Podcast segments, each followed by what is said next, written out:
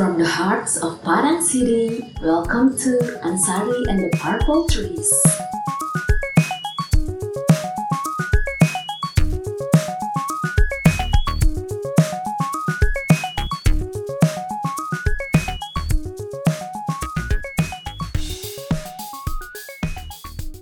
Hari ini kembali lagi bersama saya Ansari Rahmi. Em, hari ini kita mengadakan eh, event Zoom meeting lagi setelah yang kemarin kita ngomongin soal pop culture, tentang Charlie Brown dan karakter-karakternya. Hari ini kita lanjut lagi, tapi dengan tema yang lebih berat ya hari ini, karena kita akan ngomongin soal serba-serbi sandwich eh, sandwich generation dan juga nanti akan ngomongin juga lika-liku, lika-liku kehidupan kaum urban malam ini bersama Aulia Laratika Rizal SIKOM. Kalau saya nyebutnya adalah Halo. perempuan super sang penakluk ibu kota. Halo. Dan hari ini em, Aulia tandemnya adalah seorang psikolog muda bernama Indah Dewanti Rahmalia, SPC, MPC Psikolog. Nanti secara interaktif Aulia dan Indah akan ngomongin soal serba-serbi sandwich generation dan lika-liku kehidupan kaum urban. Siap Aulia dan Indah? Iya, siap. Baik.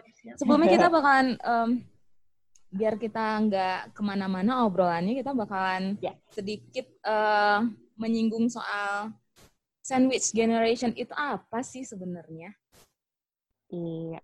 Mungkin kalau pengertian ge- generasi sandwich bisa dijelasin sama Kak Indah dulu ya. Nanti kalau aku tuh dari segi pengalamannya, karena mungkin eh, saya termasuk yang di generasi sandwich ini. Ya boleh, Kak Indah dijelasin apa sih itu generasi sandwich? Kan banyak nih sekarang eh, anak-anak kalau aku nyebutnya millennials ya yang udah uh, beberapa sudah berkeluarga dan ada juga yang misalnya masih sendiri tapi mereka menyebut diri mereka adalah generasi sandwich. Nah, pemahaman seperti apa sih sebenarnya yang sekarang uh, harus dipahami dulu sama millennials millennials millennials ini uh, biar dia tuh nggak sa- asal sebut gitu. Jangan mentang-mentang pengeluarannya banyak terus mereka sebut iya gue kan generasi sandwich, gue pusing dan lain-lain. Ya, Oke, boleh oke. dijelasin sama Kak Indah Iya. dulu. Oke, silahkan Indah. Ya siap. Jadi gini ya, sebenarnya kalau dalam segi psikologi sendiri, generasi sandwich itu sendiri sudah dikenalkan sejak tahun 1981 ya oleh Miller, seorang profesor dari University Kentucky Amerika Serikat. Jadi orang-orang yang masuk dalam generasi sandwich itu adalah mereka yang harus menanggung hidup anak dan orang tua mereka. Eh, orang-orang yang menanggung ini sebenarnya pada prinsip awalnya adalah bukan menanggung mencari nafkah saja, tapi merawat gitu. Hmm. Makanya beban sosialnya itu dan psikologisnya sangat berat karena mereka selain harus memenuhi secara finansial, mereka juga harus mengurus gitu kan. Jadi caregiver buat keluarga mereka. Nah, pada akhirnya berkembanglah generasi sandwich ini menjadi tiga macam. Pertama, ada traditional sandwich generation. Nah, Oke. orang-orang yang traditional sandwich generation ini, mereka itu yang berusia biasanya 40 hingga 50 tahun. Umumnya mereka itu menanggung kebutuhan anak-anak mereka yang sudah dewasa, namun mereka juga masih memerlukan dukungan finansial. Sementara anak dan orang tua mereka juga harus diurusi gitu ya, udah lanjut usia. Kemudian ada juga yang lebih lagi, itu namanya club sandwich generation. Nah, kalau club sandwich generation ini sendiri, dia nggak cuman sebatas ngurusin orang tua dan anaknya aja, tapi juga mungkin sampai ke cucunya gitu. Makanya biasanya usia dari yang kategori ini itu 50 hingga 60 tahun. Tapi ada juga 30 hingga 40 tahun. Karena biasanya ada anaknya masih kecil gitu ya. Kemudian mereka mengurus orang tua mereka dan mereka nggak mengurus cucu tapi mengurus nenek kakek mereka gitu. Jadi itu. Ketimpa banget gitu ya. Iya. Udah beban ngurus orang tua, ngurus anak, diri sendiri, Betul, betul.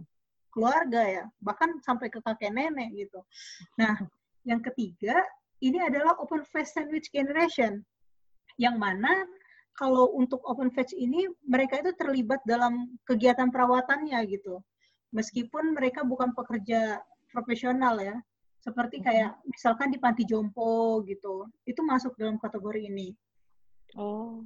Jadi sebenarnya pada dasarnya generasi sandwich ini pengertian awalnya adalah uh, merawat gitu, bukan secara finansial ya. Hmm. Tapi di Indonesia sendiri, nah ini tadi yang udah Mbak Uli bilang nih, di yeah. Indonesia sendiri banyak kaum milenial itu yang justru menganggap, wah ini generasi sandwich, akhirnya jadi besar gitu ya. Tapi ya nggak salah juga akhirnya dikatakan generasi sandwich karena memang Indonesia sendiri menganggap ini adalah generasi sandwich gitu karena memang sudah membuming gitu dengan istilah ini di Indonesia. Cuman kalau untuk secara pengertian awal dasarnya itu sebenarnya bukan pada ini ya kegiatan finansial tapi dia harus ada keperawatannya juga gitu. Oh. Tapi kan kalau yang di Indonesia nih, di mana-mana tuh di artikel-artikel pasti dihubunginnya sama dengan bagaimana mengurus pola finansial, ya kan? Yeah. Jadi tuh dihubungkannya tuh selalu dengan permasalahan finansial. Jadi tanggungannya itu adalah tanggungan finansial, bukan tanggungan perawatan.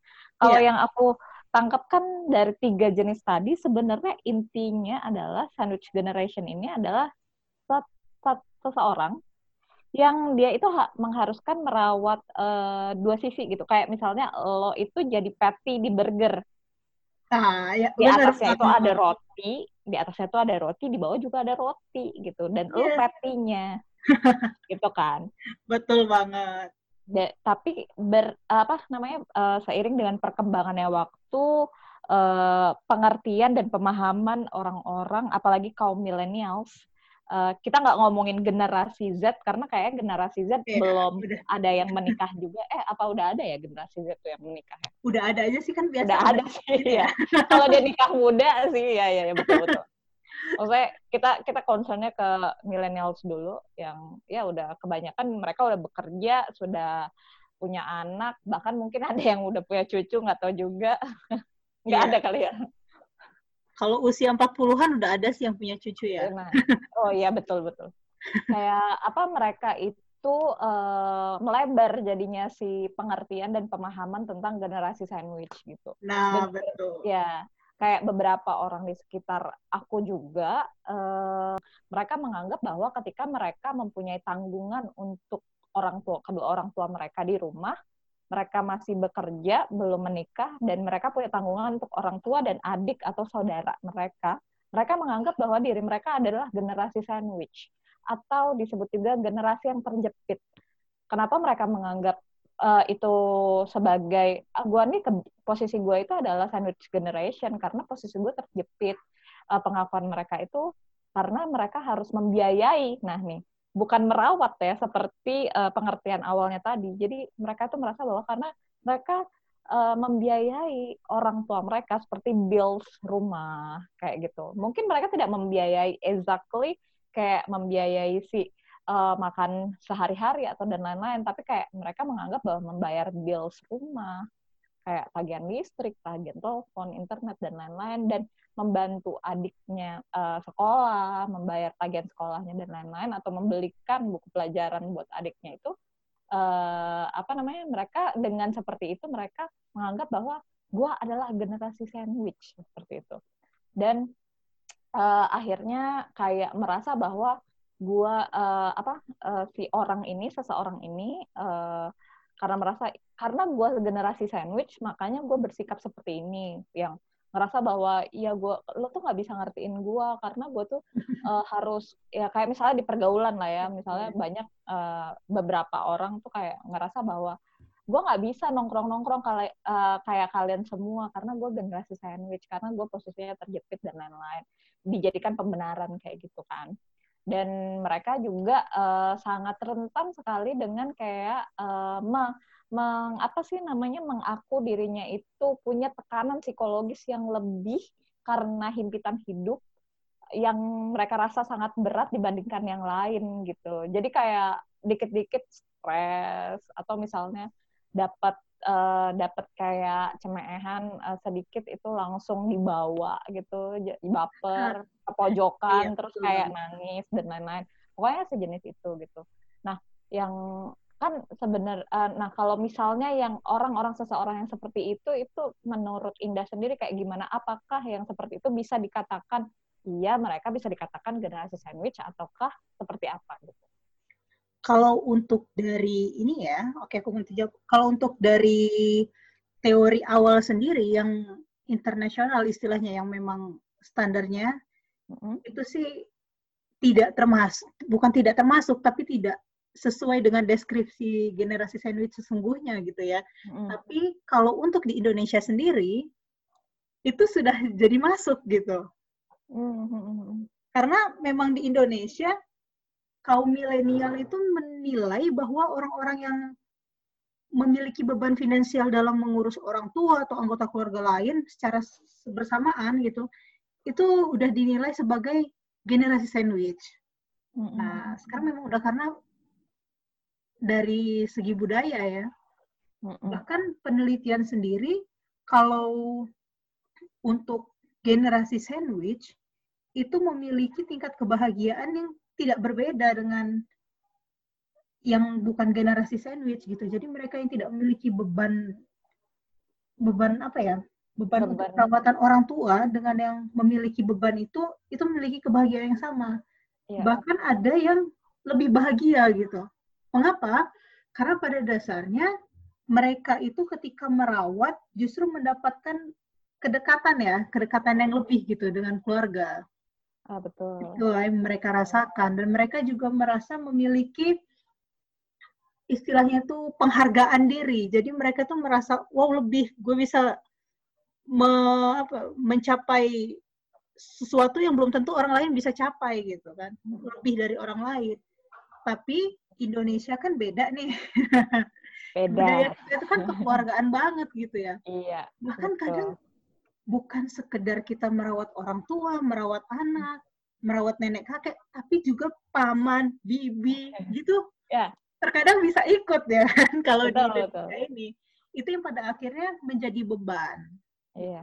Dan kebanyakan entah kenapa yang suka bilang, uh, maksudnya yang suka merasa tekanan mereka mereka itu lebih lebih daripada yang lain, daripada orang-orang yang tidak punya tanggungan, itu adalah para perantau gitu kayak yeah, uh, yeah. dan dan yang aku lihat nih kalau sepengalaman aku yang aku lihat itu ketika di pergaulan itu ngefek banget nah uh, kayak misalnya nih mereka bergaul apalagi di Jakarta apalagi di Jakarta yang namanya bergaul itu kalau lo mau uh, into satu circle atau satu kelompok uh, ya seenggaknya lo pengen blend sama satu kelompok itu tuh kayak harus nongkrong ya kan? Kayak harus sesuai lah ya dengan yes, betul, mereka gimana betul, gitu. Betul. Kayak uh, nggak hanya nggak hanya di tongkrongan gitu nggak hanya di circle gitu. Di kerjaan kantor pun juga kadang eh, kadang-kadang kita dituntut untuk misalnya sebulan sekali karaokean bareng yuk atau nongkrong bareng yuk kayak kayak gitu.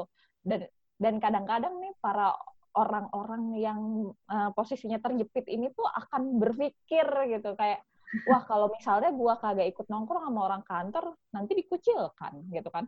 Tapi kalau misalnya gue ikut nongkrong duitnya gimana? iya duitnya gimana?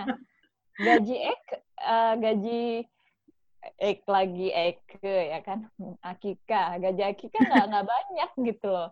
Uh, harus dengan gaji yang sama pengeluaran setiap orang berbeda-beda dan ketika uh, seorang yang terjepit dalam posisi terjepit ini pasti kayak pergulatan batinnya itu akan lebih besar gitu, akan lebih sering stres mungkin, akan. Yeah. Iya. Uh, tapi yang pengen aku tanyain di sini, mereka-mereka yang merasa terjepit ini tuh rentan depresi nggak sih? Nah, ini dia. Kalau orang-orang yang posisinya memang terjepit begini, mm -hmm. itu kan memang otomatis stresnya lebih besar ya hmm. karena punya pot, memang punya potensi yang lebih besar gitu untuk stres karena kan tekanan mereka aja untuk melaksanakan pekerjaan itu sudah lumayan berat ya belum lagi hmm. ditambah memikirkan finansial apalagi yang namanya finansial itu semakin bertambah waktu semakin besar ya yang dikeluarkan gitu. Karena semakin apalagi menanggung orang tua gitu. Orang menanggung orang tua itu semakin tua otomatis kebutuhan kesehatannya. Nah Ya, kan makin betul. makin tinggi. Akhirnya beban semakin kuat semakin besar maksudnya beban semakin besar stresor makin banyak. Nah stres ini rentan stres kemudian kesulitan finansial hingga depresi. Ini mungkin aja terjadi. Kemungkinan Berat. tetap ada. Karena ketika seseorang itu harus mengelola seperti kata Mbak Uli tadi ya mau pergi ini mikir dulu mau ikutan ini mikir dulu. Tapi nggak Iya. gitu gue nggak diakui nanti otomatis. Iya, padahal apalagi pada usia sekarang ya usia yang usia Mbak Uli ya Usia aku Ya, eh, anggap saja kira-kira 13 ya. tahun, tapi Kira-kira di lah ya. rentang millennials lah. Di rentang milenial. Saya anak millennials. Yang masih jomblo tentunya. kan bisa saat, um, bisa memicu adanya quarter life crisis ya. Ya, ya. Pernah dengar itu sebelumnya nah. Pernah. Jadi generasi sandwich ini sebenarnya untuk usia milenial karena kalau Indonesia kan yang dikenal generasi sandwich justru yang usia milenial ya bukan yang ibu-ibu yang ini malah Betul. mereka kurang Betul, memandang betul, itu ya. Betul, kurang. Jadi kita sekarang aku fokusnya bahas di yang Indonesia banget ini Iya. aja ya. Yang Yang Indonesia milenial. banget. Karena ini pasti yang akan dengerin adalah orang-orang warga Indonesia. Satu juta orang akan dengerin ini semua. Enggak, enggak, enggak. Jadi ini akibatnya rentan KLC. Nah, dari quarter life crisis yang dialaminya ini akhirnya memunculkan insecure, kecewa, kesepian. Lagi-lagi karena adanya kondisi-kondisi itu memicu depresi. Ketika seseorang terus-menerus mengalami stres dan tidak ada apa ya, dukungan sosial yang kuat, itu rentan mengalami depresi karena kan kita manusia itu mempunyai hormon stres juga namanya hormon kortisol ya. Yap. Kita bahas bahas ke otak nih. Oke. Jadi kita otak kita itu memiliki namanya hipokampus yang mana di otak itu bagian otak itu menghasilkan hormon kortisol. Nah, hormon kortisol ini yang mengelola stres kita dan kondisi fisik seperti gula darah, kolesterol dan sebagainya. Sehingga ketika kita stres, kita itu akan mengalami yang namanya kayak jantung berdebar, Oh.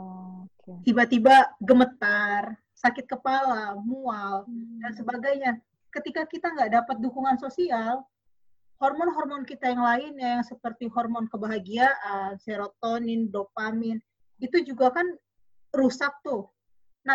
Oh, Ketika kita tidak ada kebahagiaan, hormon itu berkurang, depresi itu meningkat.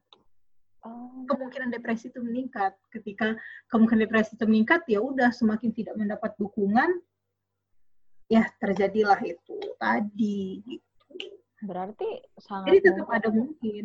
Iya, Beban-beban itu tadi kan. Betul betul karena kan ya kita tidak tidak maksudnya gini setiap orang pasti memiliki masalah yang berbeda-beda cuma kan Betul banget. kalau kita lihat dari ya dari dari sandwich generation ini misalnya nih saya adalah bukan generasi sandwich tapi eh, ketika melihat kondisi orang yang seperti itu tuh kayak eh, bukan kasihan sih kayak wah kompleks Ya. ya dia gitu tapi kadang-kadang bang sebenarnya kayak ngelihat orang yang bisa survive dengan kondisi kayak gitu dia tetap bisa eh, apa namanya menjalani hari-hari dia dengan bahagia itu eh, terkadang kayak wah keren loh gitu Amazing gitu ya. iya kayak orang-orang yang bisa survive itu terlihat keren gitu. Tapi kan ada juga orang yang misalnya di pergaulan sosial gitu ya di pergaulan sosial tuh justru mereka tuh kayak cuman mau lihat hasil tanpa melihat anak ini sedang berproses apa gitu. Ah, Nah, betul banget. ya sehingga nanti ada kayak misalnya kayak judgmental aja. Itu tuh kayak apa ya seolah-olah ketika kita mencoba berhemat dan misalnya nih kalau kita nongkrong kita pesan menu paling murah gitu kan minuman paling murah dan teman-teman kita eh, tanpa sengaja ngomong kayak lo pelit banget sih gitu. Hemat banget, yang paling gitu murah ya. gitu. Ngirit banget sih buat apa sih ngirit-ngirit? Eh, kaya juga enggak gitu kan. Itu kadang-kadang bikin hati eh, orang-orang yang apa namanya yang di posisi sandwich generation ini generasi sandwich ini itu kadang terluka juga kan gitu kayak Iya. mereka tanpa tahu kondisi orang ini mereka bilang anak ini ngirit lah pelit lah gitu atau misalnya kayak eh, pakai barang KW misalnya gitu kayak di judge lah ah lu barang tuh kok KW beli yang asli dong kan udah kerja kan udah punya gaji sendiri kayak kan kan kan ya, kan kan Itu- kan gitu Iya, ya. heeh. jadi judgement sosial itu sangat-sangat mempo apa namanya udahlah dia tertekan dengan apa namanya beban hidup dia, judgement sosial juga kayak gitu gitu kan. Itu kan bikin apa ya? Bikin secara mentality bisa bahaya gitu untuk orang ini gitu. Nah, yang pengen aku tanya di sini tuh eh, apakah eh, ada nggak sih cara-cara supaya eh, apa ya emosi-emosi yang seperti itu, misalnya pikiran-pikiran yang seperti itu, itu tuh eh, tidak membebani banget dan pada akhirnya tidak berujung pada depresi. Apakah eh, misalnya apakah hanya dengan mencari dukungan sosial atau eh, ada nggak sih kita bisa nggak sih eh, ke psikolog tapi hanya untuk itu gitu kayak untuk meluapkan hal-hal yang seperti itu atau masih eh, belum cukup nih belum kalau udah sampai segini baru nih bisa ada nggak sih yang kayak kayak gitu gitu? Benar, benar, benar banget. Ketika kita sudah mulai merasa terganggu gitu ya, kadang kan kita ngerasa orang orang-orang lingkungan kita itu agak toksik gitu ya, betul betul. Agak toksik gitu ya. mereka kadang baik cuman kadang-kadang omongannya aja toksik gitu. Iya, kita ngerasa toksik kadang sebenarnya tanpa sadar kita juga ada luka yang tidak selesai sehingga kita merasa itu toksik. Kadang mereka kan Ah. bercanda nih. Iya betul betul betul betul Ya. Hal yang paling penting untuk dilakukan adalah pertama kenali dulu diri kita. Hmm. Bagaimana kita mau merespon orang dengan lebih baik ketika kita belum mengenali diri kita. Jadi kita harus tahu dulu tuh kelebihan kita apa, kekurangan kita apa gitu. Karena ketika kita udah fokus gitu dengan kalau udah paham kelebihan kekurangan kita itu bakal ngebantu banget buat kita fokus dengan tujuan apa sih yang mau kita capai. Mm-mm. Ketika kita sudah memahami juga kekurangan kita nih, oh aku tuh memang kayak gini, memang kondisi keluarga aku kayak gini, mau nggak mau aku harus nanggung mereka gitu kan. Mm-mm. Ya memang uang yang aku gunakan memang cuman bisa segini. Lu mau bilangin gue pelit, mau bilangin apa ya emang kondisi gue kayak gini, nggak penting buat lu gitu. Buat gue juga lu mau apa terserah. Memang gue kayak gini gitu. Itu memang kita harus menerima dulu, kita harus paham dulu bahwa oh memang aku tuh memang begini loh gitu. Tapi kita Hmm. juga harus tahu kelebihan kita. Gue kayak gini, gue bisa melakukan banyak hal. Gue bisa menanggung orang-orang sekitar gue, meskipun gue memang kekurangannya akhirnya gue nggak bisa hidup sehedon lora apa se- sehedon kalian gitu kan. Iya benar. itu salah satunya tapi kan banyak ya kelebihan kekurangan kita nggak cuma di hal itu.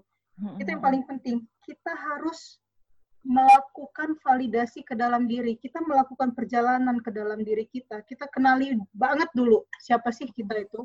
Apa sih yang kita mau? Apa sih kelebihan kita? Apa kekurangan kita dan kita juga harus menerima segala sesuatu yang telah terjadi di diri kita. Mau itu membahagiakan mau itu menyakitkan. Kita harus menerima dulu. Karena ketika kita nggak nerima ketika kita tidak mengenali diri kita kita akan sensitif dengan orang. Hmm. contoh simpelnya aja misalkan eh, kita nggak bisa nih matem ah, paling simpel orang yang banyak nggak bisa nganggap diri nggak bisa tuh menggambar. Ya menggambar. Orang nggak bisa gambar kalau dia belum mengenali bahwa diri dia itu tidak bisa menggambar ketika ada orang yang ngejekin gambaran ih gambaran lu jelek gitu. Itu pasti bakal sakit hati. Iya iya iya iya. ya kan? Tapi Betul, kalau betul. dia udah menyadari emang gue nggak bisa gambar mau lo katain kayak apa juga gue emang nggak bisa. Betul. kayak gitu kan Malah kalau misalnya kita udah tahu, iya gue emang kurangnya di situ, itu jadi kayak kekurangan dijadiin komedi aja gitu ya, gitu. Iya, Maksudnya- betul itu. Akhirnya kan jadi nggak sensitif lagi kan. Betul betul. Bisa Oh berarti tenang. aku jadi ingat sebuah kutipan gitu. Oh eh, kutipan kayak gini nih. Kamu eh, sudah bisa menerima diri sendiri saat kamu sudah bisa menertawakan kekurangan diri kamu sendiri. Itu Nah. benar berarti ya. Iya, betul banget. Itu Oh, bisa oke. diuji dulu untuk pembuktiannya ya. Diuji dulu mentalnya, dipecut. Iya. Nah, terus selain setelah kita udah mengenali diri nih, kita juga harus berhenti membandingkan diri. Oke. Berhenti membandingkan membandingkan diri karena Mm-mm.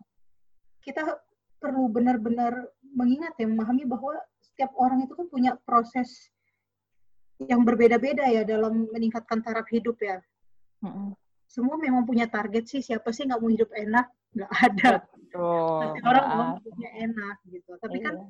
prosesnya beda-beda. Bahkan ketika yang di generasi sandwich gitu, itu terkadang harus mengikhlaskan hobi-hobinya. Misalkan hobinya memang membutuhkan uang banyak karena punya tanggungan, dia harus menyingkirkan tuh hobi-hobinya.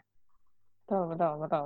Terkadang kalau hobinya itu sebenarnya bakat dia gitu, passionnya gitu. Akhirnya dia justru kehilangan itu. Betul.